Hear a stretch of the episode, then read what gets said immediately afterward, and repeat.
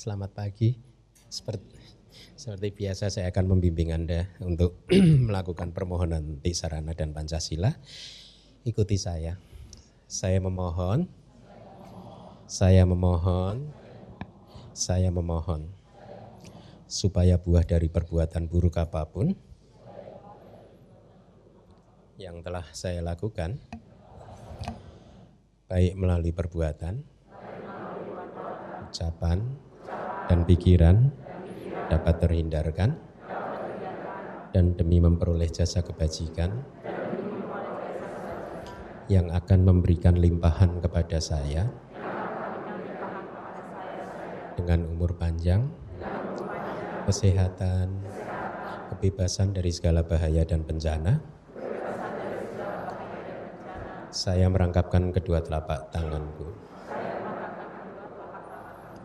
beranjali dan memberikan puja, menghormat dan bersujud penuh, dengan kerendahan hati kepada Tiratana, Buddha, Dhamma, dan Sangga, untuk kedua kalinya, untuk ketiga kalinya. Dan dengan perbuatan yang baik ini, melalui sujud yang luhur, Semoga saya selalu terbebas dari empat alam menyedihkan, tiga jenis malapetaka, delapan jenis keadaan yang tidak tepat, lima jenis musuh, empat jenis kemalangan, lima jenis kehilangan, segala jenis penyakit, dan 62 pandangan salah, serta secepatnya mencapai jalan kebebasan, maga, buah, pala, dan dhamma mulia, yaitu nibbana. Ahang bante tisaranena saha panca silam damang yajami. Anugahang katwa silang teta. Me bante duti ampi ahang bante tisaranena saha panca silang damang ya jami. Anugahang katwa. Silang teta me bante tatiyampi ahang bante tisaranena saha panca silang damang yajami anugahang katwa silang teta me bante Yam ahang wadami tang wadeta Namo tassa bhagavato arahato sama sambuddhassa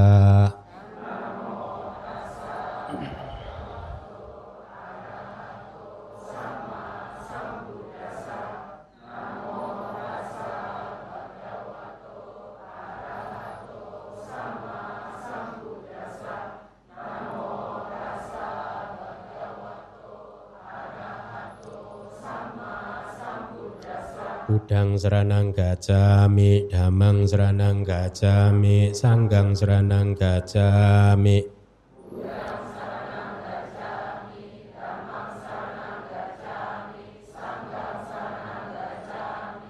Dutiampi budang seranang gacami, dutiampi damang seranang gacami, dutiampi sanggang seranang gacami.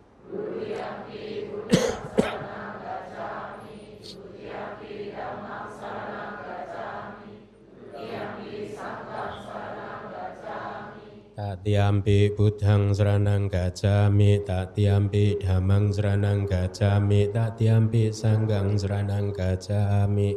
Tatiampi budhang seranang gacami, tatiampi damang seranang gacami, tatiampi sanggang seranang gacami. seranak kahanang paripunang. Sana pada wera manisika padang sama tiami.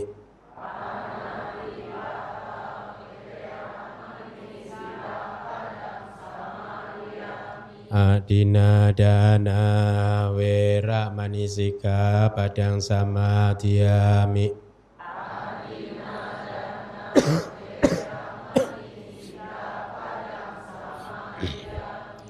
Samadhiyami Adina dana wera manisika padang padang samadhiyami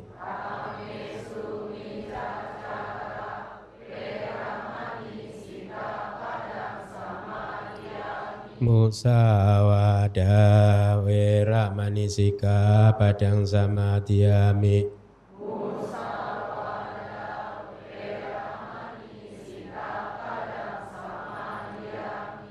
raya maja pamadatana wera manisika padang samadhiyami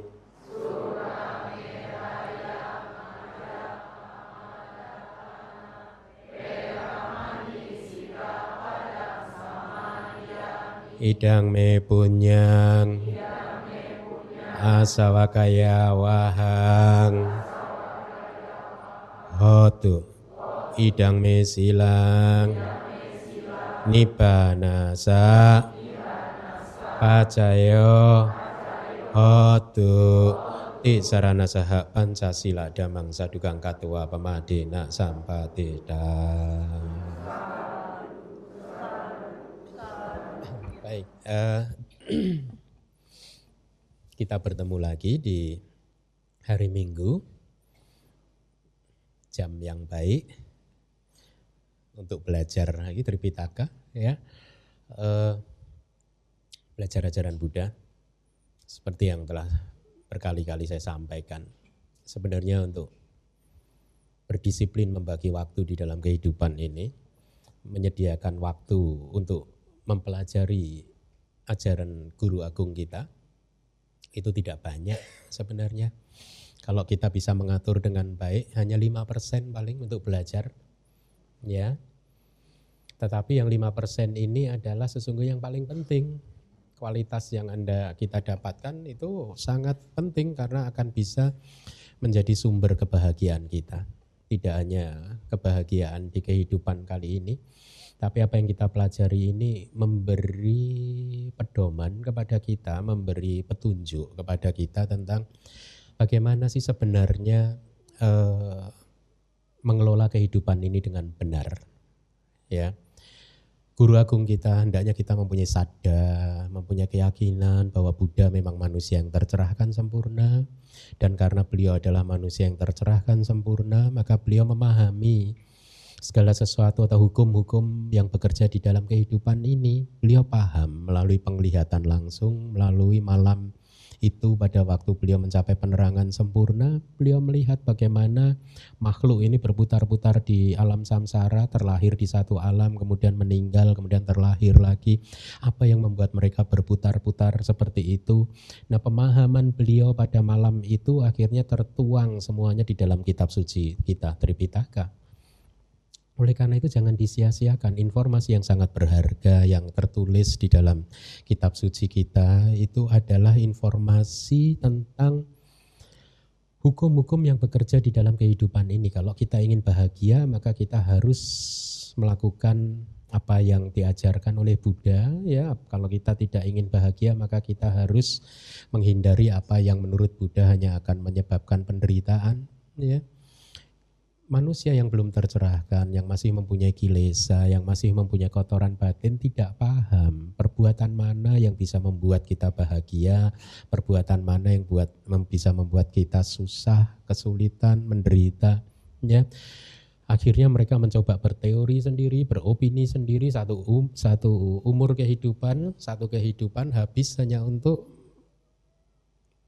menjalankan kehidupan sesuai dengan opini atau teorinya sendiri sehingga mereka tidak hanya di dalam satu kehidupan ini mereka memanfaatkannya sehingga akhirnya kualitas spiritualnya berkembang tetapi malah menurun. Ya oleh karena itu kembali lagi ajaran Buddha memberikan informasi-informasi yang tepat tentang bagaimana kita harus mengelola kehidupan kita ini dengan baik ya.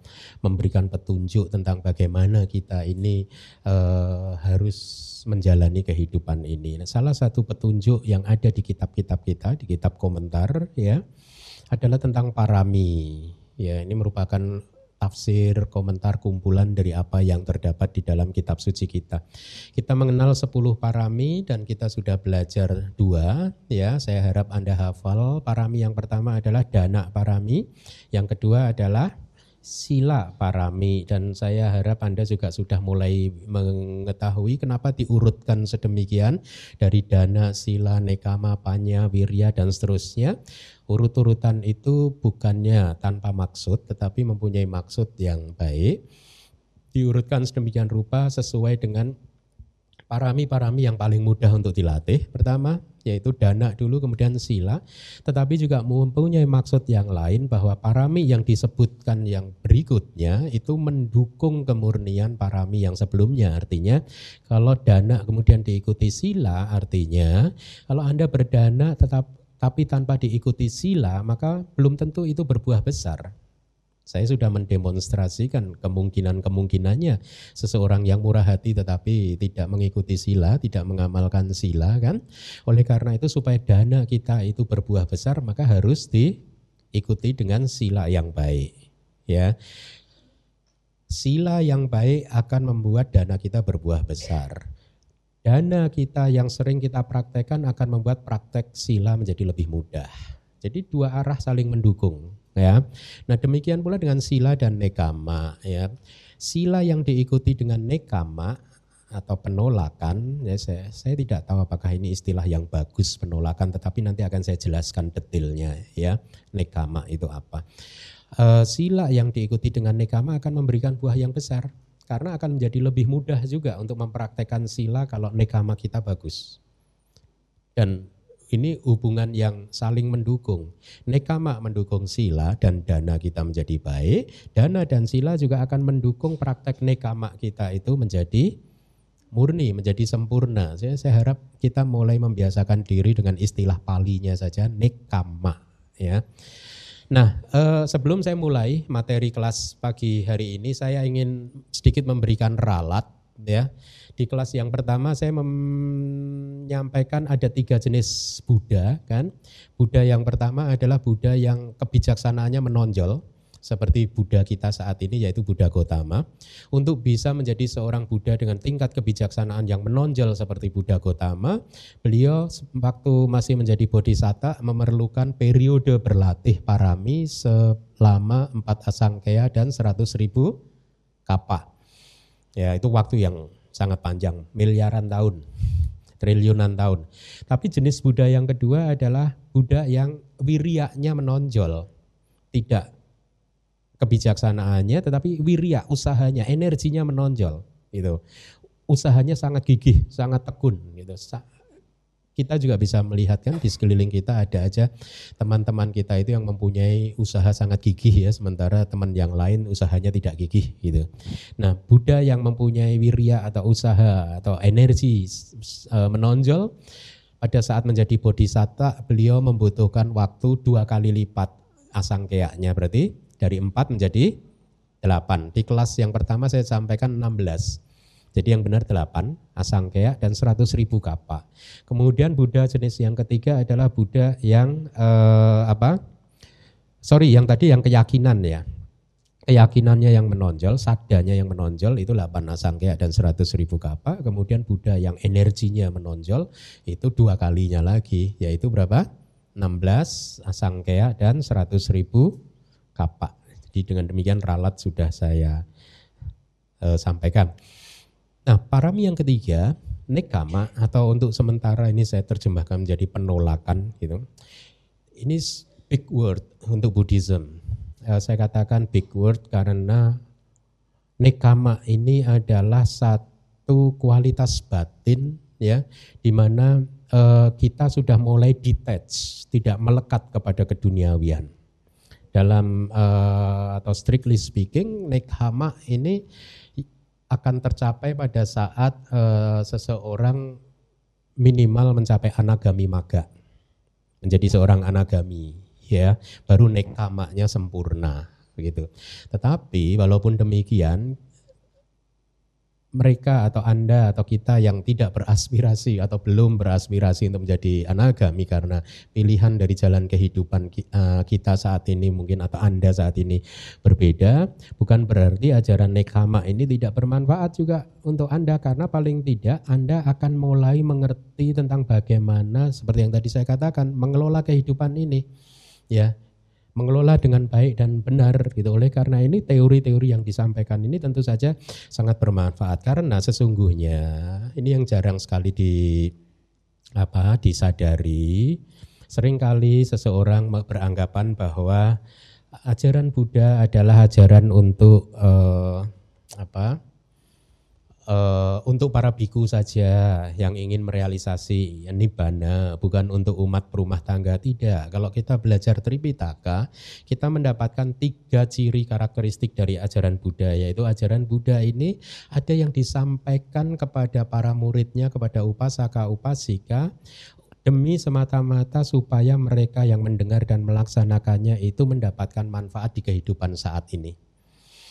Contohnya beberapa blessing berkah di antara 37 Manggala Sutta, eh, berkah di Manggala Sutta kan itu adalah berkah yang apabila Anda laksanakan, kita praktekkan akan membuat hubungan kita dengan sesama menjadi lebih baik ya, hubungan sosial kita menjadi lebih baik ya.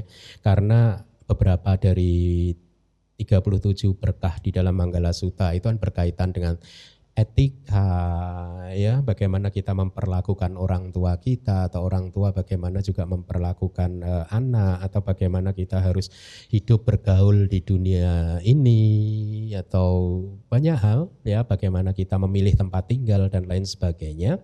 Jadi ada ajaran Buddha yang berkaitan dengan etika di mana itu berkaitan dengan kebahagiaan saat ini ya.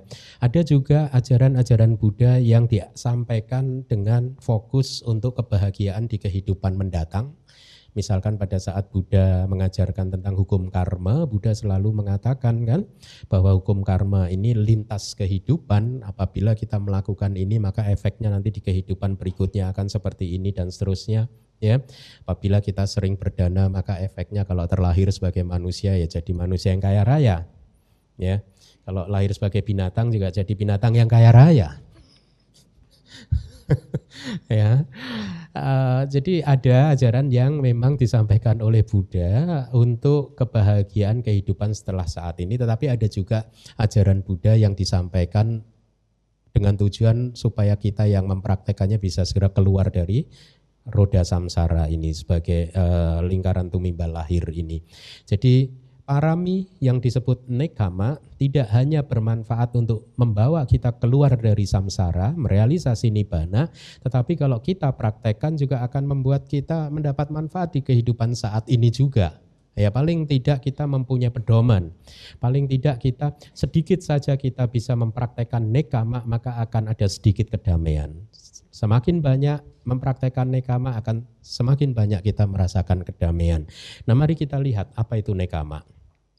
Definisinya adalah meninggalkan kesenangan-kesenangan indriawi. Inilah yang disebut nekama. Makanya tadi kalau diterjemahkan menjadi penolakan seolah-olah menjadi sangat negatif ya. E, sangat kadang persepsinya menolak kayak Anda ditolak pacar Anda dulu itu. itu berarti pacar Anda melakukan penolakan terhadap Anda dulu. Ya, kan sepertinya negatif ya, menyakitkan ya. Tetapi penolakan di sini, nekama di sini itu sangat positif ya. Dan ini yang jarang dipahami oleh makhluk di dalam samsara ini bahwa ternyata kalau kita ingin bahagia yang harus kita lakukan bukan mengejar dunia, bukan mengejar kepuasan-kepuasan nafsu kita, memuaskan nafsu kita, tetapi justru malah menolaknya. Hmm. Makanya ajaran Buddha itu sering dikatakan sebagai melawan arus, melawan arus dunia, ya. Awalnya menyakitkan memang melawan arus dunia itu kan ibaratnya seperti ada angin kencang mengarah ke kita, ke, ke arah saya, kemudian saya berjalan ke sana, jadi saya melawan arus angin, maka akan terasa tubuh saya sakit kan, dada saya mungkin sakit, paham? uh, ilustrasi ini karena saya berjalan melawan mungkin langkahnya menjadi berat karena melawan angin gitu. Ya. Sama dengan mempraktekkan ajaran Buddha pada awal-awalnya itu saya juga gampang. Saya masih ingat satu-satunya sila yang membuat saya ragu-ragu itu adalah nggak boleh makan malam. Waduh gimana ini, lapar lah. Tetapi berat hanya di awal, lama-lama kebal lama-lama. Ya, nah sama Anda juga begitu, beratnya hanya di awal. Meditasi lihat, sudah banyak dari Anda yang sudah bisa bermeditasi pagi hari kan bangun jam 4 jam 5 pagi coba. Sebelumnya Anda mungkin membayangkan itu adalah satu hal yang sangat berat gitu. Sekarang sudah tidak berat lagi. Ya. Nah, jadi ini definisi dari nekama ya lebih baik kita memakai bahasa atau kata palinya saja dibiasakan ya nekama. Jadi kalau Anda ingin menggunakan bahasa Indonesianya ya penolakan gitu.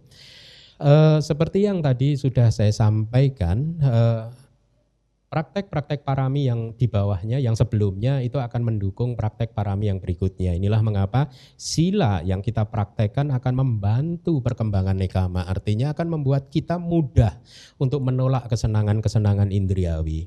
Lihat, tadi ada yang mengambil sila di atas delapan sila. Mereka sudah menolak kesenangan indriawi minimal satu hari ini. Tapi secara periodik, secara apa di dalam satu bulan Anda melatih sila yang lebih tinggi seperti itu akan lebih bagus lagi ya. Karena seperti yang tadi saya katakan sumber kebahagiaan itu sesungguhnya bukan untuk memenuhi semua nafsu-nafsu kita, untuk memuaskan keinginan-keinginan kita, tetapi ternyata sumber kebahagiaan adalah menolak eh, apa apa ini? Baik, kita lanjutkan saja. Ajaran Buddha memang melawan arus. Berarti keywordnya ternyata ajaran Buddha. Langsung gitu. Melawan arus ya. Tetapi aktivitas melawan arus inilah ternyata yang bisa menjadi sumber ketenangan, kedamaian dan kebahagiaan kita ya. Jadi dengan melatih sila-sila kita, maka praktek nekama, penyempurnaan parami yang disebut nekama akan menjadi lebih mudah. Dan juga sebaliknya, praktek nekama kita akan membuat sila kita berbuah besar. Artinya berbuah besar apa? Akan mendukung kita untuk merealisasi nibbana. Ya karena praktek nekama ini sebenarnya tujuannya adalah tunggal yaitu realisasi nibbana. Ya yang akan akhirnya membuat kita keluar dari uh, samsara ini. Nah, nekama yang disertai dengan panya atau kebijaksanaan yaitu uh, praktek parami yang berikutnya yang akan kita pelajari minggu depan ya akan memberikan buah yang besar ya.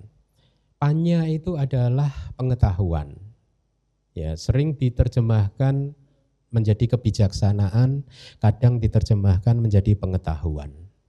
Termasuk apa yang Anda lakukan saat ini adalah untuk mengembangkan pengetahuan, untuk mengembangkan kebijaksanaan, untuk mengembangkan panya dengan mendengarkan dhamma seperti ini. Nah, kenapa dikatakan di dalam teks kita bahwa nekama yang disertai dengan panya akan memberikan banyak buah yang uh, yang bermanfaat atau memberikan buah yang sangat besar. Dengan panya, maka praktek nekama kita akan menjadi lebih mudah Kenapa? Karena panya, pengetahuan, kebijaksanaan akan memberikan informasi kepada kita tentang kenapa saya harus melakukan nekama, harus mempraktekkan nekama. Itu ciri atau kemampuan dari pengetahuan atau panya. Panya akan memberikan alasan yang kuat buat kita untuk melakukan sesuatu. Tanpa panya kita akan enggan untuk melakukan sesuatu. Seperti halnya seseorang yang diminta untuk berolahraga oleh dokter sudah dari dulu diminta untuk berolahraga, tidak pernah berolahraga. Tetapi pada saat uh, dia merasakan fisiknya sudah mulai melemah dan ada kebutuhan untuk berolahraga, maka dia mempunyai alasan yang kuat bahwa dia harus berolahraga. Nah sama dengan praktek nekama ini, kalau kita mempunyai pengetahuan yang baik, akhirnya praktek nekama pun menjadi mudah untuk dikembangkan. Jadi intinya adalah uh, uh, praktek-praktek parami yang berikutnya adalah praktek yang menyatu dengan praktek-praktek parami yang sebelumnya. Jadi nekama dan panya menjadi satu pasang latihan yang harus dikembangkan secara bersama-sama. Nah, nekama yang uh, menyempurnakan sila kita tadi sudah saya sampaikan ya. Lalu kita lihat apa sih sesungguhnya praktek sila. Sila itu sesungguhnya adalah praktek untuk memurnikan ucapan kita dan perbuatan kita. Sila tidak pernah bisa memurnikan pikiran-pikiran kita. Karena sila ini bentuknya adalah latihan untuk menjauhkan diri kita dari pelanggaran-pelanggaran melalui ucapan maupun tangan, tubuh, perilaku tubuh, apa pun itu. Ya. Kemudian eh, sila juga adalah aturan-aturan atau latihan-latihan yang membuat kita untuk menahan diri, untuk tidak berucap yang tidak baik, untuk tidak melakukan yang tidak baik dan seterusnya. Kemudian, nah sebaliknya nekama akan memurnikan pikiran kita. Ya, dengan nekama maka perilaku pikiran akan menjadi baik Kemudian meninggalkan pelanggaran melalui tubuh dan ucapan hendaknya diikuti dengan meninggalkan obsesi-obsesi kotoran batin. Ini kira-kira hubungan antara sila dan nekama. Jadi praktek sila Anda hanya memurnikan ucapan-ucapan Anda, memurnikan perilaku-perilaku tubuh Anda, tetapi dengan praktek nekama maka pikiran kita menjadi termurnikan. Nah, eh, jadi nekama itu adalah meninggalkan kesenangan indriawi ya dengan cara kalau di kitab komentar itu minimal pencapaian anagami maga tadi jalan anagami pada saat seseorang menjadi anagami. Tetapi paling tidak kita yang belum bisa mencapai ke sana dengan mempelajari mempunyai pengetahuan tentang nekama kita menjadi mempunyai pedoman tentang bagaimana sekali lagi bagaimana kita harus mengarahkan kehidupan ini menuju ke arah mana kehidupan ini harus kita alirkan harus kita salurkan. Nah Perenungannya ada di Majjhima Nikaya Suta yang nomor 13. Suta tersebut e, berjudul Maha Duka Kanda Suta. Ada tiga kata, Maha itu besar, Duka itu penderitaan, Kanda itu kumpulan. Jadi kira-kira ini adalah suta tentang sekumpulan penderitaan. Suta yang besar, suta yang maha, tentang sekumpulan penderitaan. Suta yang sangat panjang, cukup panjang, tetapi sangat menarik karena akan memberikan kebijaksanaan, pengetahuan kepada kita tentang ciri karakteristik dari kehidupan ini. Ya, dengan demikian kita akan mulai bisa sedikit memahami kehidupan ini dengan benar dan tepat. Ya. Istilah maha besar kalau di dalam kitab komentarnya disebutkan karena bukan karena dukanya yang besar, ya, Eh, tetapi sutanya yang besar dalam artian sutanya panjang. Jadi kalau di Tripitaka itu kadang ada suta yang disebut suta yang panjang dan suta yang pendek. Dengan topik yang sama, Buddha sering meng, apa, um, mengajarkan di tempat yang berbeda kepada pendengar yang berbeda. Di satu tempat Buddha mengajarkan sangat detail, di tempat yang lain dengan topik yang sama hanya diajarkan topik tersebut sangat singkat. Nah untuk topik yang diajarkan dengan sangat detail akhirnya nama sutanya sering kali ditambahkan kata maha besar. Tetapi topik yang sama yang diajarkan sangat singkat kata sutanya sering kali ditambahkan cula kecil pendek gitu ya. Nah jadi di dalam suta ini ini diajarkan oleh Buddha di Sawati. Sawati itu ada satu wihara namanya Jetawana yang didanakan oleh Anata Pindika ya eh, pada suatu hari murid Buddha eh, sedang berjalan-jalan di satu taman, kemudian bertemu dengan pengembara sektarian. Jadi pertapa-pertapa sektarian yang lain yang juga mempraktekkan spiritual menurut ajarannya masing-masing. Seperti yang kita ketahui menurut sejarahnya 2600 tahun yang lalu pada saat Buddha masih hidup di India pada waktu itu perkembangan spiritual mencapai puncaknya pada waktu itu. Kenapa disebut mencapai puncaknya? Karena banyak sekali pertapa-pertapa dengan aliran-alirannya masing-masing. Banyak sekali. Inilah mengapa bahkan seorang pangeran pun meninggalkan anak istrinya tidak dicela oleh komunitasnya pada waktu itu. Kenapa? Karena pada waktu itu nilai budaya di, yang berlaku di India, kalau ada seorang laki-laki meninggalkan rumah tangganya untuk masuk ke hutan dan bertapa itu adalah satu perbuatan yang sangat mulia. Ya. Tapi jangan dilakukan ya oleh Anda saat ini ya. Budayanya sudah berbeda. Nah, pada waktu itu, pada suatu hari, murid-murid Buddha bertemu dengan para pertapa sektarian. Jadi kalau di kitab suci, murid-murid atau guru-guru spiritual di luar Buddha disebut um, pertapa sektarian. Ya. Nah, mereka berkata, para pertapa sektarian ini berkata kepada para biku, kira-kira seperti ini. Pertapa Gotama menjelaskan pemahaman penuh tentang kenikmatan indriawi. Ya. Kemudian menjelaskan pemahaman penuh tentang tubuh jasmani. Kemudian yang ketiga menjelaskan pemahaman ten, penuh tentang perasaan-perasaan gitu. Dan mereka juga mengklaim bahwa mereka pun juga mengajarkan hal yang sama. Kami juga mengajarkan hal itu tentang kenikmatan indriawi apa pemahaman kami juga memahami penuh apa itu kenikmatan indriawi, apa itu tubuh jasmani, apa itu perasaan-perasaan. Jadi menurut mereka kira-kira Buddha dan kami sama saja. Ya, tetapi mereka um, mengajukan satu pertanyaan kepada para biku. Bedanya apa? Beliau mengajarkan ini, saya juga mengajarkan itu.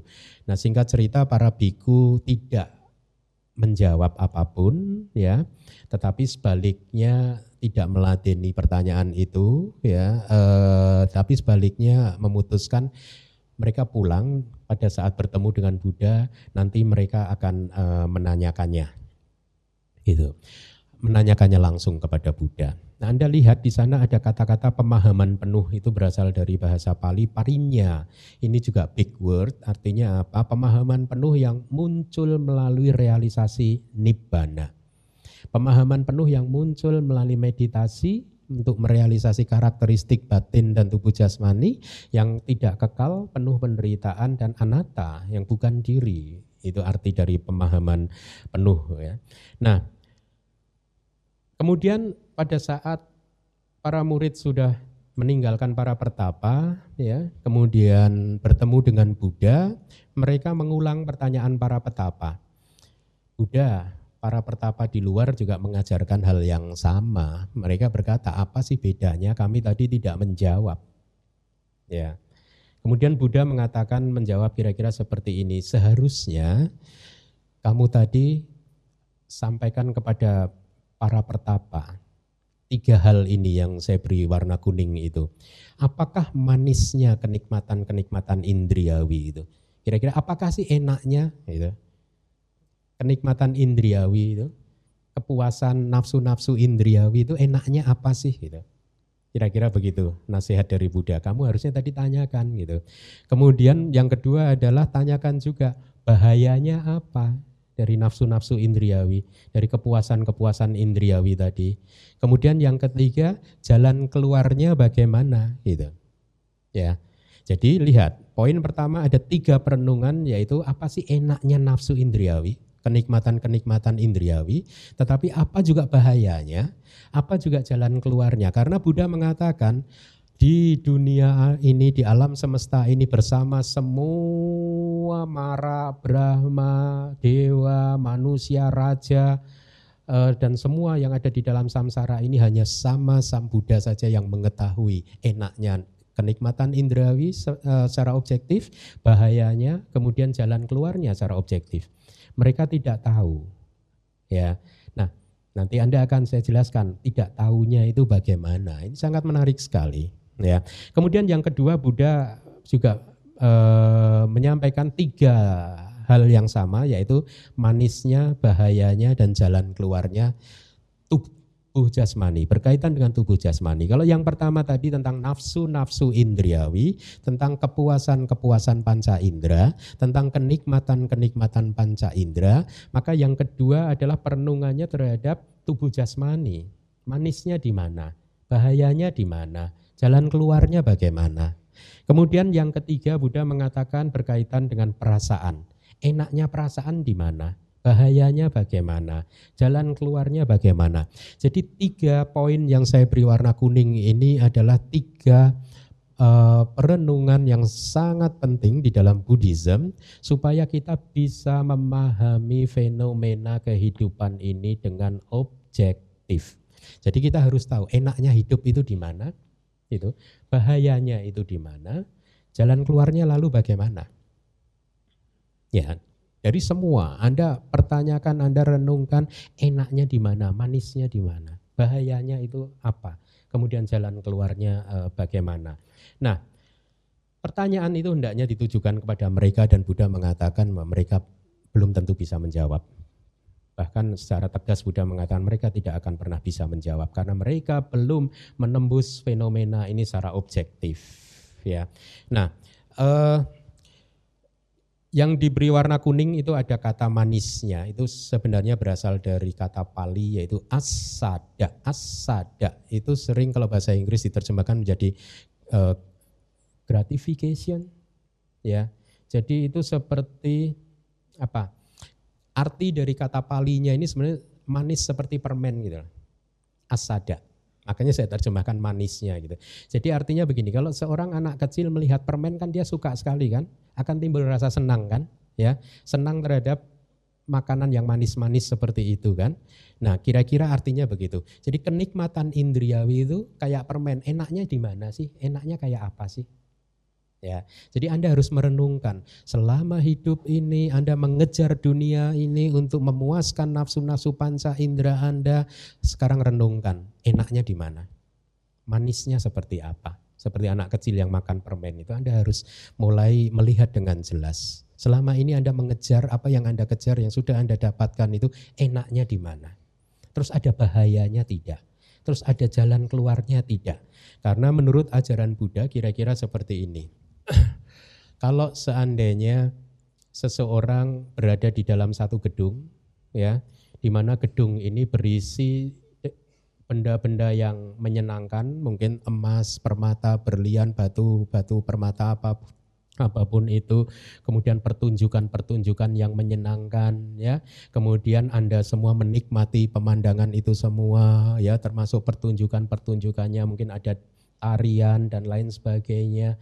Begitu pada saat Anda menikmati pertunjukan, menikmati emas permata yang ada di dalam gedung ini, itulah yang dinamakan asada. Anda terbuai dengan kenikmatan-kenikmatan tadi, ya. Kemudian pada saat salah satu dari Anda, ah, jangan Anda deh, orang lain melihat pertunjukan itu, kemudian salah satu dari mereka melihat gedungnya terbakar. Oh, Berarti ada bahayanya ini gitu. Salah satu dari mereka sudah merealisasi, eh jangan di sini, ada bahayanya. Gedung terbakar, sebentar lagi ini gedung akan dilalap oleh si jago merah gitu. Nah ini adalah bahayanya berada di dalam gedung ini. Kira-kira begitu logikanya. Kemudian salah satu dari mereka melihat ada pintu keluar, itu pintu keluarnya di sana. Ayo kita keluar melalui pintu tersebut. Maka itu adalah jalan keluarnya. Nah, terhadap fenomena-fenomena yang tadi saya sebutkan yang diajarkan oleh Buddha yaitu kenikmatan-kenikmatan indriawi, kemudian tubuh jasmani dan yang ketiga perasaan, mari kita renungkan enaknya di mana, manisnya seperti apa, terus ada bahayanya tidak, kemudian jalan keluarnya bagaimana. Ya. Nah, itu yang diajarkan oleh Buddha. Mari kita analisa satu persatu tentang yang pertama dulu, kenikmatan indriawi. Rasa manisnya dari ke, kenikmatan indriawi itu terletak di mana? Di dalam suta disebutkan rasa manisnya itu terletak di panca kama guna, yaitu lima tali atau lima kualitas kenikmatan indriawi, yaitu kenikmatan-kenikmatan yang berkaitan dengan objek-objek panca indera kita Mata kita menginginkan objek yang indah, yang diharapkan, yang disukai, yang mempesona, yang memikat, yang terkait dengan kepuasan, yang menarik. Ini adalah objek-objek yang selama ini kita kejar. Kita ingin melihat yang baik-baik, yang kita harapkan saja, tetapi kehidupan tidak berjalan sesuai dengan keinginan kita. Sering kali yang kita lihat adalah objek yang tidak kita harapkan. Sering kali yang kita lihat adalah objek yang tidak kita sukai dan seterusnya, ya. Tetapi manusia tidak pernah belajar dari kenyataan bahwa objek, bahwa kehidupan ini tidak bisa kita kendalikan. Mereka terus-menerus seumur hidup mengejar objek-objek yang menurut mereka adalah objek yang diharapkan. Mereka berjuang keras untuk mewujudkannya. Nah, inilah yang dikatakan enaknya nafsu indriawi. Anda menginginkan untuk melihat objek tersebut, Anda mengharapkan mendengarkan suara yang Anda inginkan, yang Anda harapkan, yang memikat, yang mempesona dan lain sebagainya. Kita, Anda dan saya ingin mencium hidung kita ini aroma yang kita inginkan, yang mempesona, yang kita harapkan dan seterusnya. Lidah kita pun juga seperti itu, tubuh kita juga ingin menyentuh objek-objek yang indah. Inilah yang dikatakan kepuasan-kepuasan panca indera Ya, inilah yang disebut sebagai kenikmatan-kenikmatan indriawi. Nikmatnya ya seperti itu. Anda semua sudah paham, ya. Anda pernah merasakan, sering kali merasakan, ya. Nah, jadi kenikmatan indriawi berkaitan dengan rasa manis objek-objek panca indera, ya. Tadi kita mendapatkan istilah objek panca indera atau istilah teknisnya itu panca kama guna atau lima tali kenikmatan indriawi atau lima kualitas kenikmatan indriawi sama saja itu tetap artinya itu merujuk kepada rasa senang, rasa suka pada saat kita mengalami objek-objek panca indera yang kita inginkan dan juga berkaitan juga dengan semua usaha kita untuk mengejar objek-objek panca indera yang kita inginkan. Pada saat objeknya itu tidak menyenangkan, kita mengejar, berusaha untuk menghancurkan objek yang tidak menyenangkan untuk kemudian mencari objek yang menyenangkan. Ya, itulah yang disebut enaknya nafsu-nafsu panca indriawi. Nah, kita harus mengenalinya. Istilah teknis ini, panca kama guna atau lima tali kenikmatan indriawi atau lima objek panca indera itu dinamakan demikian karena mereka adalah objek dari panca indera kita. Lima objek juga disebut sebagai kualitas, tadi sudah saya katakan, dalam artian memberikan kenikmatan dan pengalaman menyenangkan kepada panca indera kita. Mari kita renungkan, objek mata yang kita harapkan, kita sukai, memberikan kepuasan melalui penglihatan kita Suara-suara yang kita inginkan, kita harapkan, yang mempesona, yang memuji kita adalah suara yang memberikan kepuasan, kenikmatan melalui pengalaman telinga kita. Bau parfum dari suami istri Anda yang Anda sukai memberikan kenikmatan kepuasan melalui hidung Anda. Makanan favorit Anda memberikan kepuasan melalui lidah Anda. Sentuhan sutra yang lembut yang Anda sukai memberikan kepuasan eh, apa? Uh, yang muncul melalui indera sentuhan kulit kulit anda ya nah disebut juga sebagai tali karena objek-objek tersebut sesungguhnya mengikat kita ya mengikat kita kepada objek dan karena kualitasnya maka objek tersebut mengikat kita lebih kuat lagi sehingga akhirnya kita tidak bisa keluar dari samsara gitu. Nah, kita sudah sering kali mengalami kenikmatan-kenikmatan panca indera. Kita di dalam kehidupan ini sering mengejar ya bahkan seumur hidup dari lahir sampai meninggal dunia banyak manusia yang hanya mengejar untuk mendapatkan kepuasan-kepuasan indriawi ya. Tetapi kepuasan-kepuasan indriawi tersebut ada bahayanya. Bahayanya apa? Yang pertama lihat untuk memenuhi keinginan Anda supaya mata Anda puas, telinga Anda puas, panca indera Anda puas ya. Apa yang harus Anda lakukan? Kita semua harus bersekolah, kuliah ya. Bahkan hanya untuk kuliah saja sudah menderitanya luar biasa ya. Saya sering mengatakan seandainya dulu waktu zaman kuliah saya tahu saya mau jadi biku, saya ogah dulu kuliah itu. Susah. Seandainya saja saya udah lebih bisa meramal masa depan, nggak mau kuliah saya. Buat Anda bayangkan dulu waktu kita kuliah, waktu kita sekolah menderitanya kayak apa? Untuk apa Anda sekolah? Untuk apa Anda kuliah? Karena dengan sekolah, dengan kuliah, pendidikan kita tinggi, maka kita bisa mempunyai profesi yang baik, mendapatkan uang yang baik, akhirnya panca indera kita puas. Betul tidak? Hanya untuk memuaskan panca indera saja sebenarnya. Gitu. Tetapi sadarkah kita bahwa untuk memuaskan panca indera ini kita sudah mengeluarkan usaha yang luar biasa susahnya, kerasnya. Tidak hanya sekolah, kalau di dalam teks itu kira-kira seperti ini. Kita harus bekerja keras.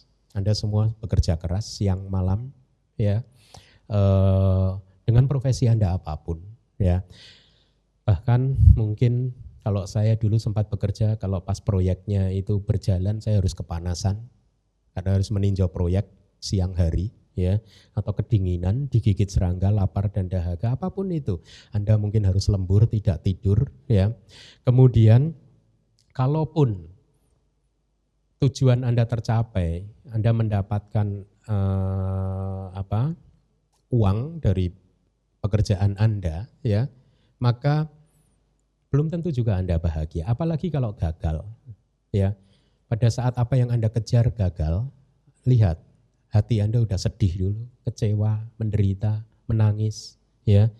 Kalau berhasil masih saja nggak bahagia karena was-was. Hmm? Jangan-jangan nanti dicuri tetangga sebelah. Huh? Lihat, udah berhasil aja was-was loh. Sama kan dulu waktu Anda mengejar pacar Anda, lihat. Huh? Sebelum mengejar Anda deg-degan kan, waduh jangan-jangan gagal nih, jangan gagal nih. Anda udah, udah stres lu, nggak bisa tidur kan? Begitu udah pacar Anda, iya saya mau, Anda juga stres lagi. Jangan-jangan nanti dibawa lari teman saya ya. Hah? Atau Anda tidak percaya diri nih, saya pantas nggak sih buat dia? Nah lihat. Nah, akhirnya hati Anda bergejolak terus. Nggak dapat stres, dapat pun juga stres.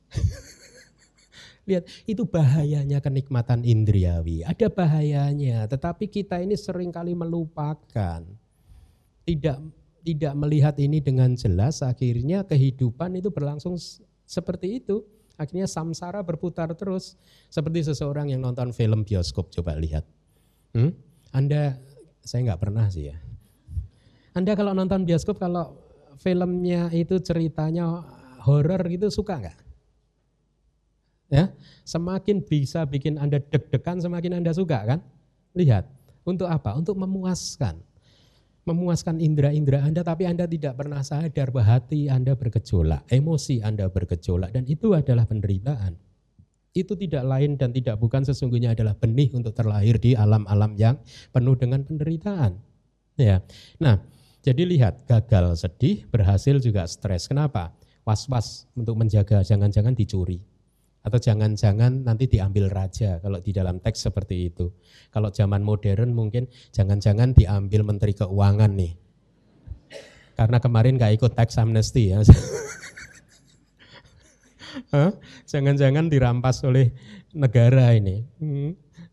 Jadi lihat, untuk memuaskan keinginan-keinginan kita, banyak penderitaan yang harus kita alami. Tetapi kita mengizinkan penderitaan itu untuk terjadi hanya untuk sedikit kepuasan saja.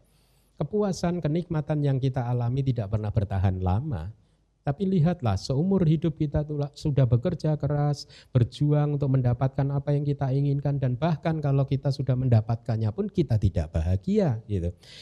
Atau uh, mungkin kita sudah menjaga harta kekayaan kita sedemikian rupa ya dengan mempekerjakan satpam-satpam di rumah kita ya.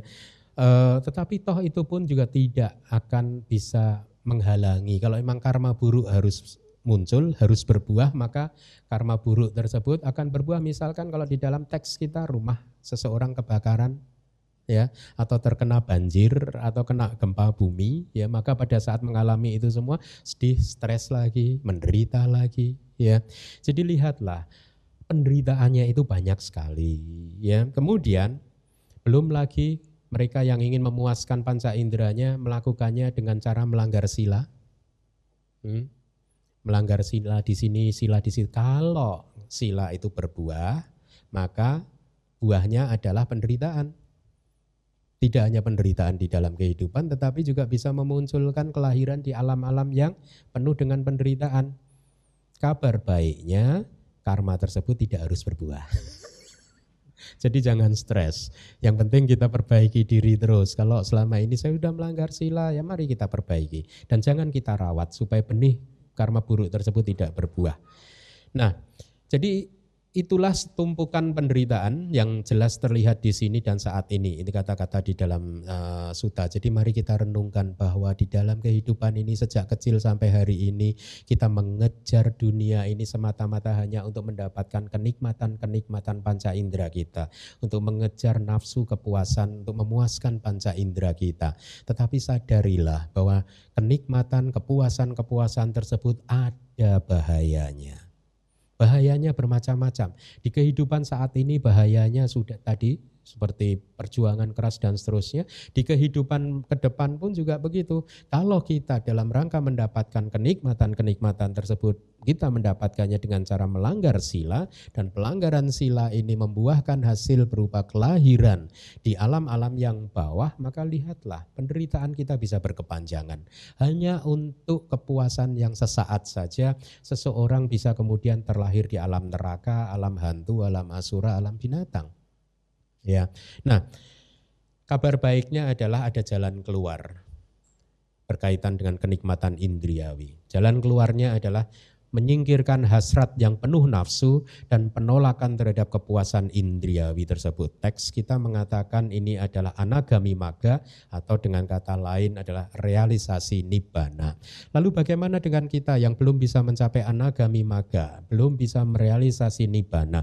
Paling tidak kita sekarang tahu bahwa ternyata apa yang saya kejar itu hanya sedikit saja bisa memberikan kepuasannya itu. Tetapi bahayanya banyak oleh karena itu perlahan-lahan kita perbaiki cara pandang kita.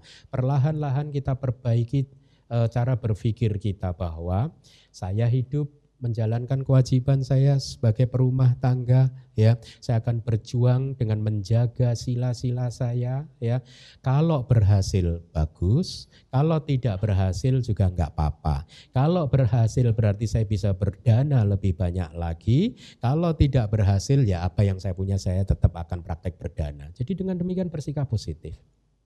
Ya apa pun ya tidak melekat kepada dunia ini. Ya kita perlahan-lahan kenapa menjadi tidak melekat? Karena kita sekarang mempunyai pengetahuan bahwa ternyata kepuasan-kepuasan indriawi tidak pernah bisa memberikan kedamaian dan kebahagiaan yang stabil yang berkepanjangan. Bahwa ternyata apa yang saya pikirkan dulu pada saat mahasiswa ya ternyata berbeda dengan kenyataannya. Dulu saya pikir kalau sudah bekerja mempunyai suami, mempunyai istri, hidup akan happily ever after. Nah, marah kan? Kalau udah sampai di situ marah. Lihat berapa banyak dari Anda yang berpikir setelah Anda lulus sekolah Anda, Anda akan berbahagia selama-lamanya? Hampir semuanya. Berapa banyak dari Anda yang berpikir bahwa setelah Anda menemukan suami atau istri yang tepat Anda akan bahagia selama-lamanya? Semua dari Anda rumput tetangga selalu terlihat lebih hijau. Iya enggak? Ya. Seseorang yang belum menikah pada saat melihat temannya yang sudah menikah, wah sepertinya enak ya. Nah, karena apa? Dia terjebak pada sindrom rumput tetangga lebih hijau. Ya. Begitu dia masuk menikah, ah kok enggak enak ya seperti ya. Akhirnya berbalik lagi yang nggak menikah kayaknya lebih bahagia ya. Nah, itulah sindrom rumput tetangga lebih hijau. Yang belum menikah melihat seseorang yang sudah menikah itu sepertinya lebih hijau. Yang sudah menikah melihat orang yang belum menikah sepertinya juga lebih hijau. Jadi problemnya di mana? Di rumput yang mana? Pikiran kita. Ya, Anda bisa menjadi seseorang yang berumah tangga tapi penuh dengan kebahagiaan kalau pandangan Anda benar. Ya, kalau Anda mempraktekkan dana, sila, dan nekama. Nah, poin yang kedua adalah perenungan yang berkaitan dengan tubuh. Ini juga menarik. Itu masih berasal dari suta yang sama. Kebahagiaan dan sukacita yang muncul berkaitan dengan seorang gadis muda tidak terlalu tinggi, tidak terlalu rendah, tidak terlalu gemuk, tidak terlalu kurus, tidak terlalu gelap, tidak terlalu pucat. Itu adalah manisnya tubuh jasmani. Ini kata-kata dari Suta. Mungkin ini berkaitan dengan uh, seorang pemuda yang melihat pemudi atau gadis muda yang dengan deskripsi dari Buddha yang seperti ini Ya. Jadi maksudnya adalah nafsu yang muncul dari seorang pemuda yang melihat gadis yang masih muda yang dengan deskripsi yang seperti itu, ya. Atau dari sisi yang lain adalah kebanggaan dari si gadis itu juga mempunyai tubuh yang seperti ini, seperti itu, mereka juga akhirnya melekat kepada tubuh jasmaninya gitu. Yang dikatakan oleh Buddha hanyalah gadis muda, Mungkin karena yang mendengarkan adalah laki-laki. Kalau waktu itu yang datang kepada Buddha adalah para perempuan mungkin seorang pemuda yang muda, wah, tidak terlalu tinggi atau tidak terlalu rendah dan seterusnya gitu. Maka apa yang Anda rasakan pada saat melihat pemuda yang seperti itu wahai kaum wanita? Hmm? Deg-degan ya?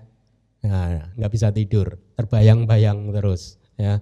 Itulah manisnya tubuh uh, pemuda atau pemudi yang berumur masih kalau di kitab dijelaskan 15 tahun, 16 tahun atau 17 tahun ya dengan deskripsi fisik yang seperti ini.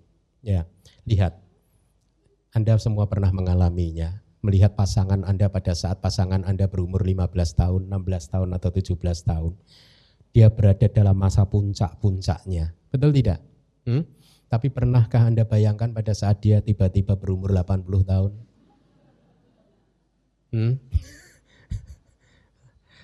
80 tahun ke atas, bungkuk, ompong, rambut. Anda harus mengharapkan loh istri Anda kayak gitu itu. Karena itu pasti akan terjadi. Kalau Anda tidak mengerti, mempunyai pengetahuan tentang hal ini, nanti Anda kaget. Tiba-tiba, lu kok istri saya ompong? Ya harus. kok keriput gitu. Kok jadi bungkuk gitu. Lihat, ini adalah bahayanya dari tubuh jasmani. Maka lihatlah nafsu, kepuasan, kenikmatan yang berkaitan dengan tubuh jasmani pun ada bahayanya. Inilah yang harus dipahami oleh para suami dan para istri. Sama para istri, suami Anda juga cepat atau lambat juga akan bungkuk, ompong, rambutnya putih, keriput dan lain sebagainya. Ya, tetapi apakah dalam keadaan yang seperti itu lalu cinta Anda harus memudar? Hmm? Uh, ada satu cerita, cerita nyata. Seorang suami datang kepada saya. Dia mengatakan bahwa istrinya sudah dua tahun dalam keadaan tidak bisa apa-apa, sudah tidak bisa apa-apa, kayak koma begitu, ya. Jadi Bahkan untuk melakukan kegiatan pribadinya saja sang istri tidak bisa. Terus satu hari ada salah satu teman yang mengatakan kepada saya, Bante tolong dibantu lah supaya dia itu bisa cepat pergi.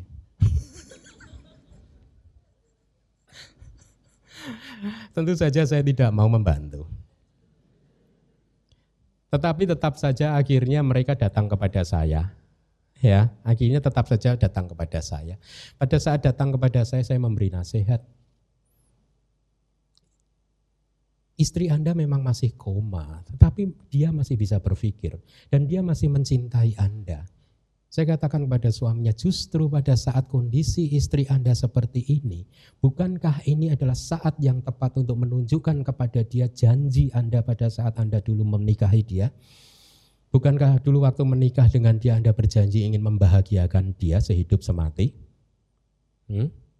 Iya tapi maksud saya saya yang hidup dia yang mati. Enggak ini. Ini dari saya.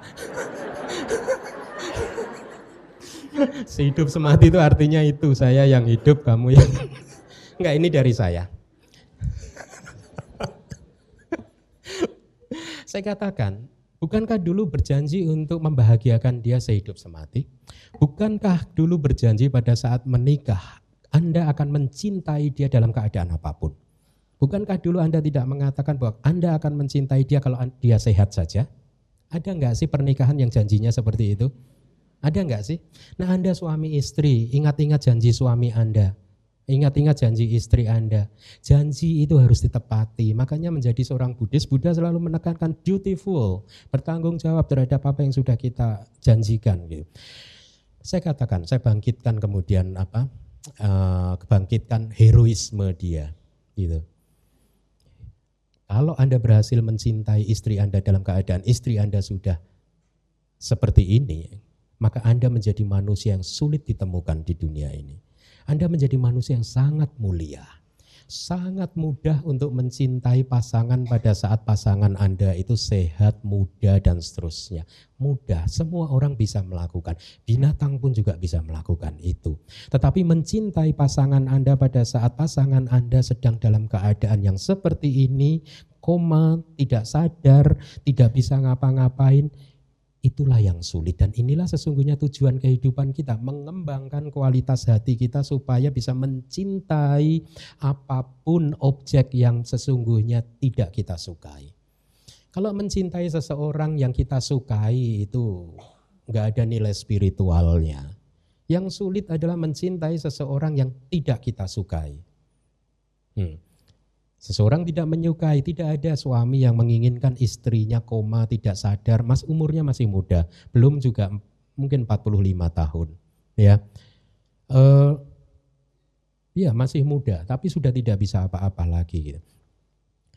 Kemudian saya beri contoh seperti ini. Saya teringat pada satu cerita. Kalau saya tidak salah, ini cerita terjadi di Amerika uh, yang ber, ber, uh, cerita tentang suami istri yang umurnya sudah di atas 80 tahun ya. Nah singkat cerita mereka tidak mempunyai anak suami istri ini. Nah istrinya yang umurnya juga udah cukup tua ini punya penyakit demensia akut yang parah. Jadi dia tidak tahu siapa-siapa lagi. Ya, tahu ya demensia ya.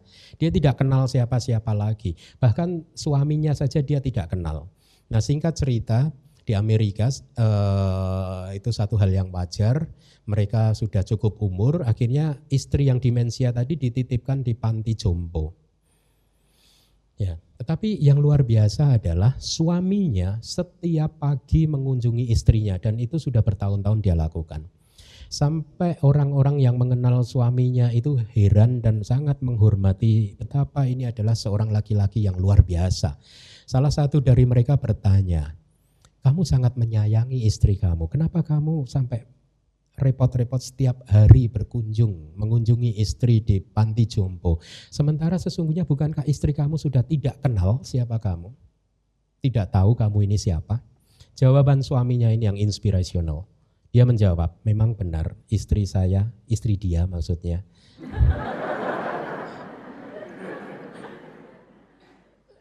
tidak mengenali saya lagi.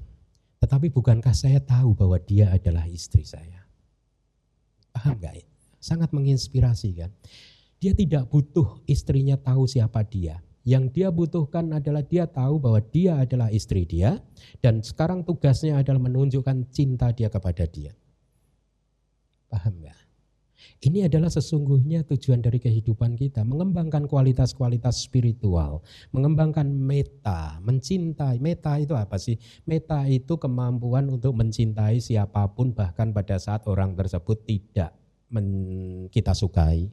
Itu meta. Ya, singkat cerita saya motivasi suami tersebut akhirnya bisa tersenyum.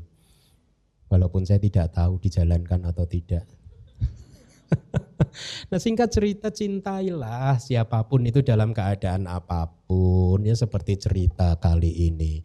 Ini cerita ini dikirimkan oleh salah satu umat saya baru ingat.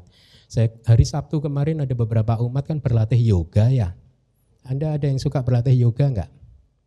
Ya, di DBS ini ada klub yoga sekarang hari Sabtu kemarin saya kaget eh setengah delapan sudah ada ini ya. Nah pada suatu hari pada suatu malam Terima kasih pada umat yang mengirimkan cerita ini, ini saya sampaikan.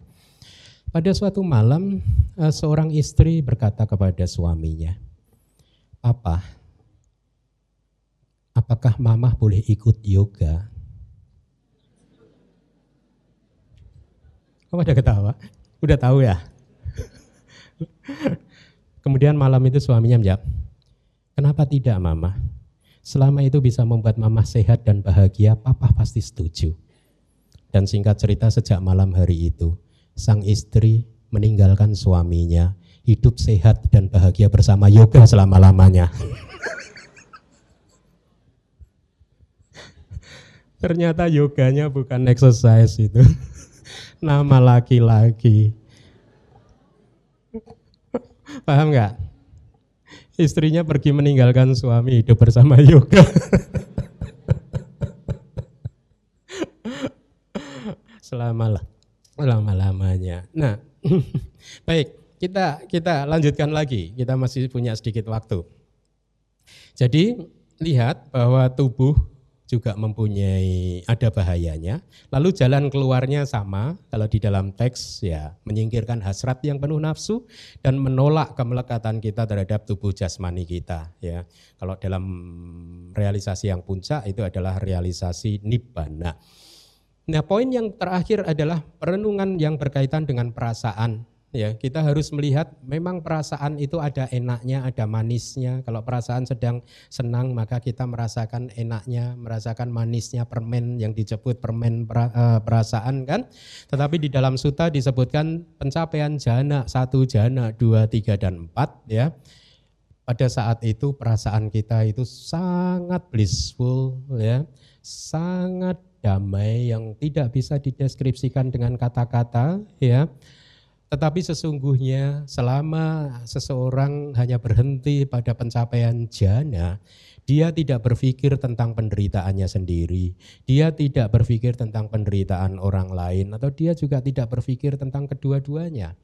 Penderitaan diri sendiri dan penderitaan orang lain pada saat itu orang yang berada di dalam jana kalau hanya berhenti di dalam pencapaian jana saja ya maka dia tidak mendapatkan pengetahuan atau kebijaksanaan bahwa nama dan rupa bahwa batin dan tubuh jasmani itu anicca, duga dan anatta ya.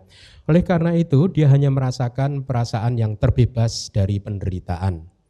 Tetapi ya inilah manisnya perasaan ya Rasa manis tertinggi sesungguhnya adalah terbebas dari perasaan. Terbebas dari kemelekatan atau pelekatan terhadap perasaan-perasaan apa pun. Oleh karena itu di dalam suta tersebut akhirnya Buddha e, menganjurkan untuk melihat bahwa perasaan tersebut adalah tidak kekal, perasaan adalah dhamma yang mengalami perubahan, maka inilah bahayanya perasaan. Jalan keluarnya sama, menyingkirkan hasrat yang penuh nafsu dan menolak terhadap semua perasaan, tidak melekat terhadap perasaan apa pun. Dalam pencapaian puncaknya ini adalah realisasi nibbana. Jadi dengan demikian kita mulai tahu bahwa ternyata nafsu-nafsu keinginan kita meskipun ada rasa manisnya tetapi banyak juga bahayanya.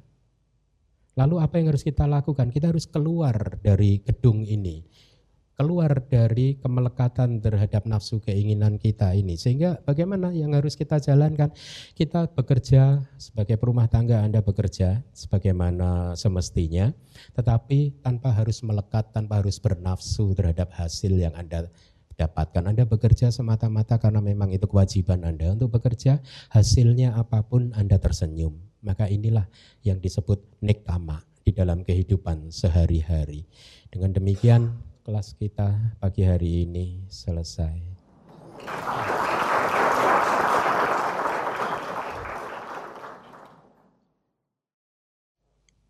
Uh, Bante, Bante Asin, terima kasih. Saya mau nanya. Oke. okay. Mengenai uh, nekama. Uh, nekama itu apa itu mindfulness. Perhatikan perasaan kita, pikiran kita, supaya tidak melantur gitu. Terima kasih. Jadi pertanyaannya apakah nekama itu mindfulness? Ya, berbeda. Tetapi mindfulness atau sati atau perhatian penuh memegang peranan penting di dalam praktek nekama tanpa perhatian penuh kita tidak akan pernah bisa tahu manisnya perasaan seperti tadi ya yang diikuti dengan kesulitan penderitaan ya. Tanpa perhatian penuh juga kita tidak akan bisa tahu bahayanya begitu ya. Tanpa perhatian penuh juga kita tidak bisa keluar dari pelekatan itu untuk apa mencapai merealisasi nibbana. Jadi dua hal yang berbeda tetapi perhatian penuh memegang peranan penting untuk praktek ini karena perhatian penuh itu sesungguhnya kan salah satu uh, energi di dalam batin kita yang membuat kita bisa memperhatikan sesuatu secara penuh dan yang selalu mengingatkan kita tentang sesuatu yang penting dan sesuatu yang tidak penting gitu. Uh, yang selalu mengingatkan kita tentang sesuatu yang baik dan sesuatu ini ini baik, ini tidak baik gitu. Ini perlu dilakukan, yang itu tidak perlu dilakukan. Ya, maka dengan perhatian penuh praktek nekama juga akan menjadi lebih mudah. Dan memang perhatian penuh itu kalau di dalam teks atau mindfulness itu di dalam teks itu disebutkan diberi perumpamaan seperti garam untuk semua sayur. Ya, Artinya garam untuk semua sayur, jadi perhatian penuh itu bermanfaat untuk apa pun. Itu tidak hanya untuk nekama, untuk berdana juga bermanfaat, untuk sila juga bermanfaat, untuk praktek-praktek yang lain juga bermanfaat, bahkan untuk mencapai jana itu juga perhatian penuh itu penting sekali, untuk merealisasi nibbana juga perhatian penuh itu penting sekali. Ya, tapi perhatian penuh ini kan degree-nya, levelnya kan berbeda-beda ya. Saat ini kita mungkin mempunyai perhatian penuh ya. Tetapi perhatian penuh kita saat ini tidak cukup bertenaga, tidak cukup kuat untuk menembus sifat sejati dari nama dan rupa, dari batin dan tubuh jasmani. Oleh karena itu perhatian penuh harus dilatih secara sistematis, sedemikian rupa melalui teknik-teknik meditasi, misalkan anapanasati Ya, kalau Anda cermati kata ana panasati, di belakang itu ada kata satinya. Sati itu perhatian penuh. Sati itu mindfulness. Ana apana, ya, nafas masuk dan nafas keluar. Sati. Jadi perhatian penuh yang ditujukan kepada nafas masuk dan nafas keluar. Sampai kemudian perhatian penuhnya itu berkembang maksimal, mendukung munculnya jana, dan setelah jana muncul dengan samadhi yang cukup itu tersebut, maka sesuai dengan kata-kata Buddha, samading bikawe baweta yata e, semahito bikawe biku yata butang pajanati. Wahai para biku, kembangkanlah samadhi dengan perhatian penuh, dengan mindfulness. Jadi perhatian penuh harus dipraktekkan sedemikian rupa sehingga bisa membantu munculnya samadhi. Karena hanya dengan kemunculan samadhi maka Buddha berkata seperti ini. Sama hito bikawe biku yata butang pajanati. Seorang biku yang mempunyai samadhi, yang terkonsentrasi, mampu melihat segala sesuatu secara apa adanya. Mampu memahami segala sesuatu secara sesuai realitas. Jadi begitu. Eh, kira-kira seperti itu. Perhatian penuh yang bagaimana yang bermanfaat untuk praktek-praktek spiritual. Perhatian penuh yang sudah dikembangkan hingga akhirnya mencapai ya mampu mendukung munculnya samadhi. Bukan perhatian penuh yang saat ini kita ada, kita punya, saat ini masing-masing dari kita punya, tetapi perhatian penuh kita saat ini tidak mampu mendukung munculnya samadhi.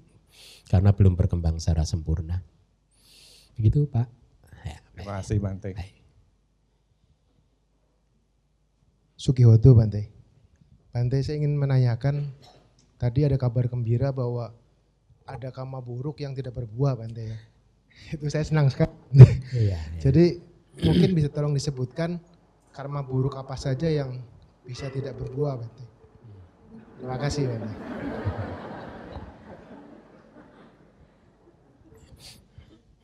Jadi ada karma yang tidak berbuah itu kabar baik ya. Tapi hukum itu juga berlaku, Pak. Ada juga karma baik yang tidak berbuah juga.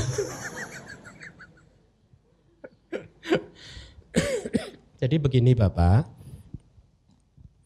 sifat dari karma, perbuatan yang sudah kita lakukan yang disertai dengan kehendak, itu sifatnya itu mempunyai kekuatan untuk berbuah, untuk memunculkan hasil, untuk membawa efek. Itu karakternya, sifatnya. Tetapi tapi sifat yang demikian ini jangan diartikan bahwa apa yang kita lakukan harus berbuah. Tidak. Ya. Dia hanya mempunyai potensi untuk berbuah. Seperti biji mangga, kita menanam biji mangga kan belum tentu yang kita tanam berbuah kan?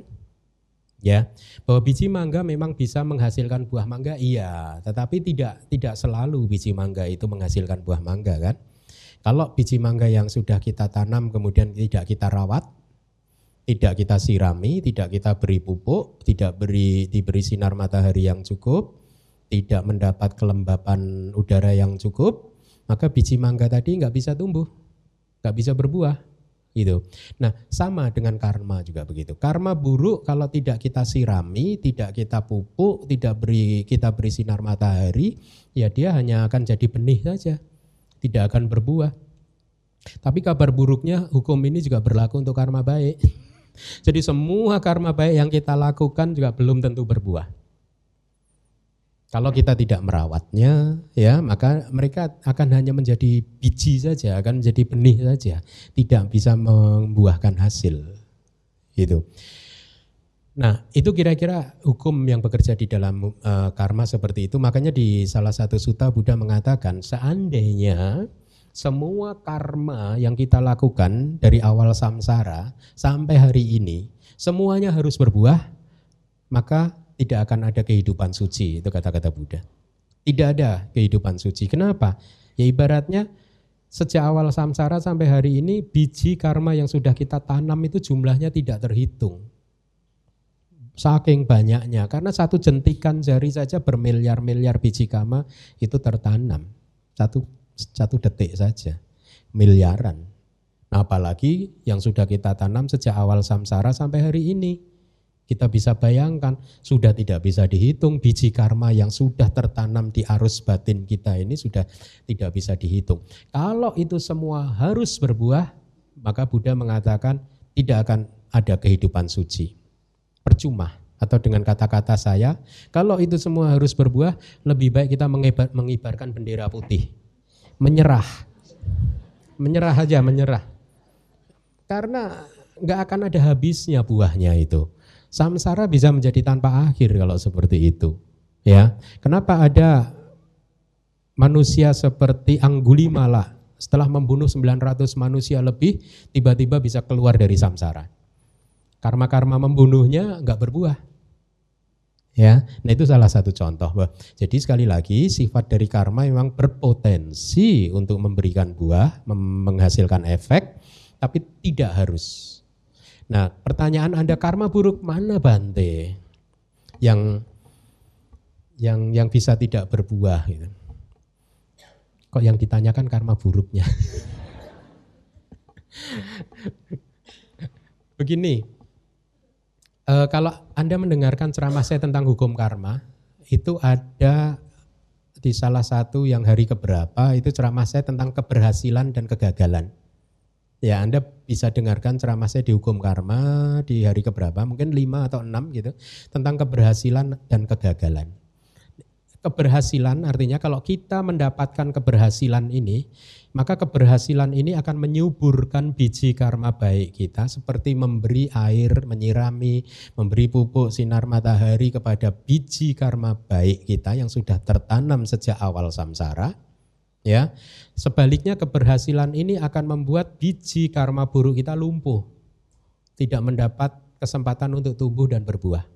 Sebaliknya yang disebut kegagalan, kalau kita mendapatkan kegagalan ini, maka ini ibaratnya air dan pupuk untuk karma buruk kita sehingga biji-biji karma buruk itu mendapat kesempatan untuk tumbuh dan berbuah dan sebaliknya kegagalan ini akan melumpuhkan timbunan benih atau biji karma baik kita sehingga mereka tidak bisa tumbuh dan berbuah. Ya. Nah, kegagalan atau keberhasilan terdiri dari empat. Nah ini pupuk pupuk air sinar matahari dan kelembapan untuk karma baik dan karma buruk. Untuk karma baik berarti butuh apa? Keberhasilan. Keberhasilan tempat tujuan. Keberhasilan kelahiran. Terlahir di alam yang baik seperti ini adalah biji atau sorry air pupuk sinar matahari untuk benih-benih karma baik. Oleh karena itulah manusia sering mengalami atau memetik buah karma baiknya. Kenapa? Karena kita sudah mendapatkan satu keberhasilan kelahiran. Kelahiran di alam dewa juga begitu, makanya dewa itu banyak mengalami kebahagiaan. Tapi sebaliknya, kelahiran di alam neraka tidak ada kebahagiaan. Kenapa? Karena terlahir di neraka adalah kegagalan tempat kelahiran. Ya. Yang kedua adalah keberhasilan penampilan. Ya, seseorang yang penampilannya menarik ya yang bisa menghibur orang tidak menciptakan permusuhan kira-kira seperti itu ya sangat sangat friendly bersahabat dengan siapa saja itu cenderung akan menyuburkan karma baik dan mengcancel atau melumpuhkan karma buruknya ya penampilan kalau gagal penampilannya ya begitu perlu saya elaborasi nggak yang ini nggak perlu ya kepanjangan. Yang ketiga eh, Pak Yoga. Pak Yoga itu adalah cara ya. Kalau kita sering berdana, sering melakukan 10 kebajikan, sering melakukan 10 karma baik, ucapan kita baik, perilaku tubuh kita baik, ya semuanya baik, maka ini adalah perilaku atau cara yang menyuburkan benih karma baik, sementara karma buruknya akan terhambat untuk tumbuh. Tapi sebaliknya kalau caranya gagal, sering melanggar sila, ya sering melakukan 10 karma buruk ya e, maka ini akan menyuburkan karma buruk dan akan menghambat karma baik. Yang keempat adalah waktu. Kegagalan waktu dan keberhasilan waktu. Kegagalan keberhasilan waktu adalah hidup di waktu yang tepat, mempunyai pemimpin perusahaan yang baik, maka karir Anda cepat meningkat. Hmm? Mempunyai kepala keluarga yang baik, maka Anda akan bahagia. Hmm? Sebaliknya, hidup di waktu yang tidak tepat, mempunyai pemimpin perusahaan yang tidak baik, maka kita akan menderita. Mempunyai kepala keluarga yang tidak baik, kita akan menderita. Mempunyai presiden yang tidak baik, kita akan menderita. Ya, sebaliknya mempunyai presiden yang baik, kita akan bahagia. Kira-kira seperti itu. Jadi eh, pengetahuan ini sangat penting supaya kita akhirnya bisa mengelola kehidupan kita dengan baik ya melakukan sesuatu yang hanya akan menyuburkan benih karma baik dan sebaliknya akan melumpuhkan benih karma buruk. Untuk penjelasan berikutnya silahkan dengarkan ceramah saya tentang hukum karma di YouTube. Kalau nggak salah hari kelima atau keenam. Terima kasih. Iya. Kami persilahkan masih ada kesempatan untuk bertanya, masih ada waktu. Eh, Sukihonto Bante. Bante, saya ada pertanyaan. Sebenarnya ini kan pertanyaan yang dulu pas uh, pelajar yang abidama, yang kelas intensif sama suhu aling Bante.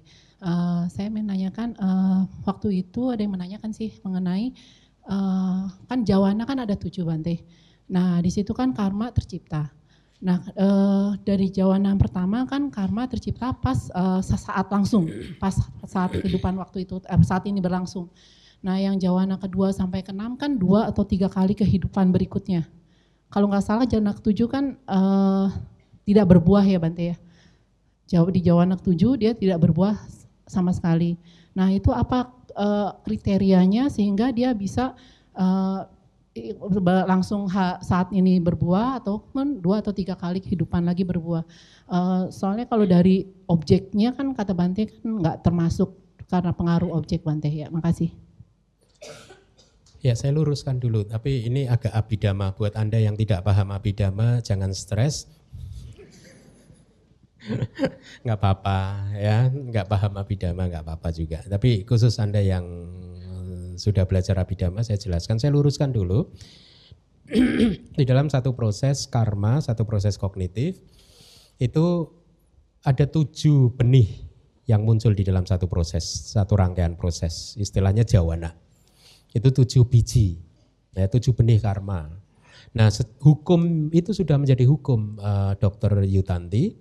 Hukumnya seperti ini, biji yang muncul pertama kali dari tujuh rangkaian itu, dari serangkaian yang terdiri dari tujuh biji itu, benih yang pertama ini kalau dia berbuah, dia hanya akan berbuah di kehidupan yang sama dengan karma tersebut dilakukan. Itu definisinya. Jadi kalau karma itu dilakukan di kehidupan kali ini, benih yang pertama dari tujuh itu hanya akan berbuah di kehidupan saat ini juga. Seandainya seseorang yang melakukan karma tersebut sudah meninggalkan kehidupan ini dan terlahir di kehidupan berikutnya yang secara teknis, secara teori disebut katakanlah kelahiran yang kedua, maka semua biji dari yang pertama tadi banyak sekali itu menjadi expired, tidak bisa berbuah lagi. Ya, karena dia hanya bisa berbuah di kehidupan pertama. Kalau di kehidupan pertama sudah selesai, maka semuanya yang dari biji atau benih yang pertama itu expired, ahosi, difang. Ya, e, kemudian karma tadi yang dilakukan di kehidupan yang pertama, ya, dari jawana yang terjadi tujuh jawana, tujuh benih, benih yang ketujuh, kalau dia berbuah, dia hanya akan berbuah di kehidupan yang kedua. Jadi setelah dia lahir di kehidupan kedua, giliran jawana yang ketujuh yang bisa berbuah. Ya, seandainya orang tersebut kemudian menghabiskan kehidupan yang keduanya dan kemudian terlahir di kehidupan yang ketiga, maka pada saat dia sudah berada di kehidupan yang ketiga, semua benih dari jawana yang ketujuh tadi menjadi expired. Ya, dan yang terakhir jawana yang di tengah berarti jawana nomor 2, 3, 4, 5, 6 benih yang nomor 2, 3, 4, 5, 6. Dia hanya akan berbuah mulai kehidupan yang ketiga sampai seterusnya sampai kehidupan terakhir.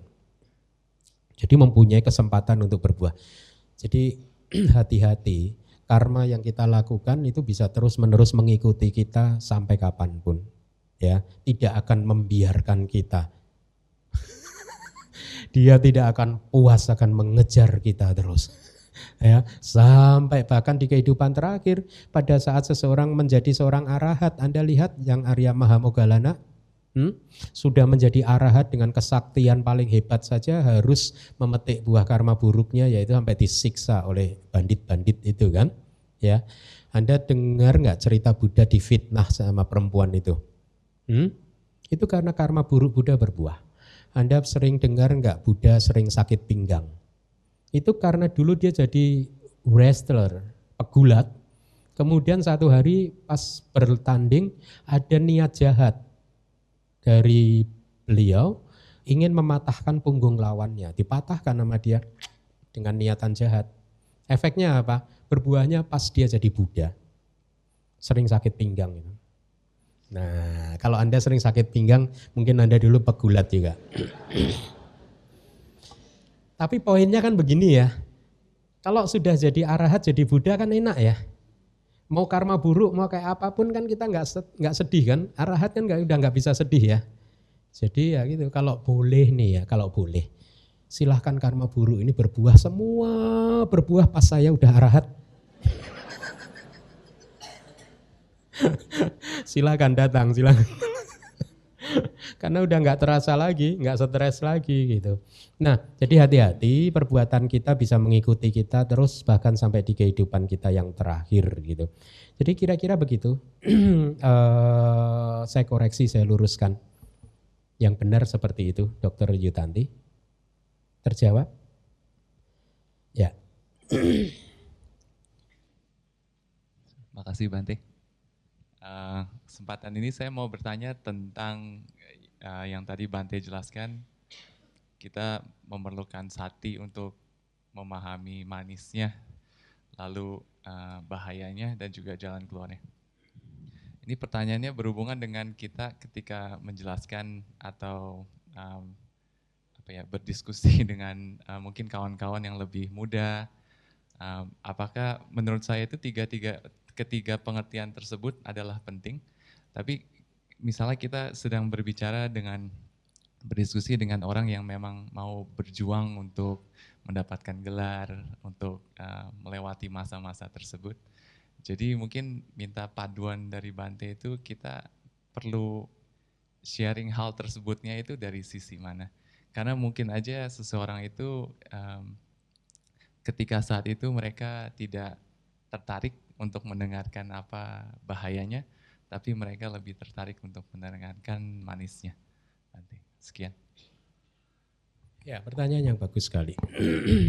kalau kalau terhadap mereka yang ada penolakan, apa yang harus uh, atau teknik atau strategi apa yang harus kita sampaikan kepada mereka cara menjelaskan memang penting sekali kadang komunikasi menjadi tidak efektif karena kalau kita memilih cara berkomunikasi yang juga tidak tidak pas itu sehingga akhirnya yang mendengar sesungguhnya sesuatu yang baik Saya pernah dinasehati sama guru saya kira-kira seperti ini. Saya teringat tiba-tiba. Eh, tidak mudah istilahnya untuk menyebarkan dharma. Ya. Eh, kata-kata guru saya itu begini. Kalau eh, seorang biku misionaris menemui kegagalan di dalam menyebarkan dhamma, waktu itu guru saya mengatakan, yang salah bikunya, yang salah kamu. Gitu. Kenapa? Karena contoh yang diberikan sangat strong, tapi saya mohon maaf, guru saya tidak bermaksud mengucapkan contoh ini dengan pikiran atau dengan tujuan atau intention yang negatif, tapi sementara uh, semata-mata hanya untuk memberikan satu pemahaman yang kuat kepada muridnya, kepada saya, bahwa kita harus menggunakan skillful means untuk menyampaikan dhamma itu. Tidak bisa sembarangan menyampaikan dhamma. Jadi guru saya mengatakan begini, kalau kamu gagal di dalam menyampaikan dhamma, ya dalam menyebarkan dhamma, maka yang salah kamu. Kenapa? Karena kamu memberi kamu seperti seseorang yang memberi monyet, eh, memberi berlian ke monyet. saya saya saya klarifikasi lagi ya. Guru saya tidak sedang bermaksud jahat tapi dia hanya ingin memberikan perumpamaan. Berlian kalau diberikan kepada monyet juga tidak akan pernah bisa diapresiasi berliannya. ya kan? Oleh karena itu kita harus menggunakan skillful means, cara yang skillful untuk menyampaikan sesuatu. Nah terhadap hal-hal yang tadi ditanyakan oleh Mulyadi, bagaimana kita menyampaikan uh, manis dan bahayanya. Kalau manisnya ya mereka akan mengejar manisnya. Saya rasa yang disampaikan oleh Buddha sudah cukup skillful kan dengan memberikan deskripsi misalkan seseorang yang mengejar gelar tadi yang Anda katakan ya untuk bisa mendapatkan gelar kayak saya dulu itu harus lembur. Ya tidak tidak tidur malam ya. Kemudian sering kali masuk ke ruang ujian mata masih merah karena tidak tidur semalaman. Bukankah itu adalah penderitaan? Jadi kita membimbing dia untuk recognizing bahwa apa yang dia udah strive for itu selama ini itu banyak penderitaannya. Yang ini yang jarang dilihat kan oleh manusia kan. Ya, bahwa untuk mendapatkan permen yang manis tadi prosesnya bagaimana? Itu yang kita harus sampaikan kepada dia gitu. Kalau di dalam suta kan Buddha berkata seorang pemuda yang ingin memuaskan nafsu-nafsu panca inderanya, dia harus bekerja keras gitu. Ya, sama juga dengan seseorang begitu sudah mendap untuk mendapatkan gelarnya saja itu sudah perjuangan yang keras, penderitaan yang yang banyak sekali sudah harus dialami oleh masing-masing dari kita gitu. Kemudian kita buka lagi dat dengan data-data yang objektif saja Mulyadi. Setelah gelarnya itu tercapai, lihat sekeliling kita. Teman-teman kita, senior-senior kita, kakak kelas kita. Lihat gitu bagaimana kehidupan yang mereka uh, lalui. Mungkin kita bisa memberi contoh seperti yang tadi disampaikan Buddha. Mereka harus bekerja keras hanya untuk mendapatkan gaji katakanlah 50 juta. Ya. Dan untuk bisa mendapatkan gaji yang sedemikian itu uh, banyak dari profesional yang harus makan hati, dimarahi bosnya. Ya enggak sih? Kalau dapat bos yang galak. Kadang disuruh lembur. Ada saat ingin bertemu istri pulang sore tiba-tiba bosnya memerintahkan dia untuk ayo lembur. Itu pun sudah penderitaan. Ya. Kemudian untuk bisa mendapatkan gaji segitu mungkin dia kadang harus bertengkar dengan customer. Itu pun juga sudah penderitaan, bertengkar. Ya, atau untuk bisa mendapatkan gaji yang seperti itu dia harus berkompetisi dengan teman-teman seba, uh, koleganya gitu. Itu pun juga satu penderitaan, membuat batinnya bergejolak gitu. Nah, jadi sebutkan semua kesulitan dan penderitaan itu, lalu endingnya adalah lalu bagaimana? Apakah kita harus menolak? Enggak. Kita tetap berjuang. Tetapi kita lebih menomorsatukan kedamaian hati kita lebih menomorsatukan ketenangan. Ketenangan, kedamaian, kebahagiaan adalah di atas segala-galanya. Artinya apa? Kalau harus mendapatkan itu dengan cara konflik, saya akan menghindari konflik. Kalau harus mendapatkan itu, saya harus melakukan kejahatan, saya akan menghindari kejahatan. Ya, dan kemudian kemudian diajarkan untuk juga tidak melekat seperti yang tadi saya sampaikan. Kalaupun tidak mendapatkan juga tersenyum, kalau mendapatkan juga tidak melekatinya. Dan kemudian diberi pemahaman bahwa kepuasan-kepuasan, kenikmatan-kenikmatan yang sudah dia alami selama ini dan kepuasan dan kenikmatan yang sudah dialami oleh semua manusia, teman-teman kita, senior-senior kita, itu sifatnya tidak kekal. Jangan pernah berpikir bahwa Anda adalah manusia yang istimewa berbeda dengan yang lain. Ya kalau yang lain nggak kekal sih Bante, kalau khusus untuk saya itu kekal kok Bante. Enggak, gitu. kita bukan manusia yang istimewa. Kadang kita bisa belajar dari senior-senior kita ya. Dari kakak kelas kita yang kita sedang berjuang keras untuk mendapatkan gelar-gelar tertentu gitu. Jadi poinnya adalah kejar cita-cita tetap tapi tidak digenggam. Kalau dapat bagus, kalau tidak dapat bagus. Dan saya tahu kalaupun saya mendapatkannya itu pun tidak kekal. Dan saya tahu justru pada saat saya mampu memahami bahwa segala sesuatu tidak kekal sehingga saya mampu melepas apa pun, di sana ada kedamaian, di sana ada kebahagiaan. Itulah kebahagiaan, melepaskan semuanya. Kira-kira seperti itu. Baik, terima kasih. Ya, terima kasih Bete.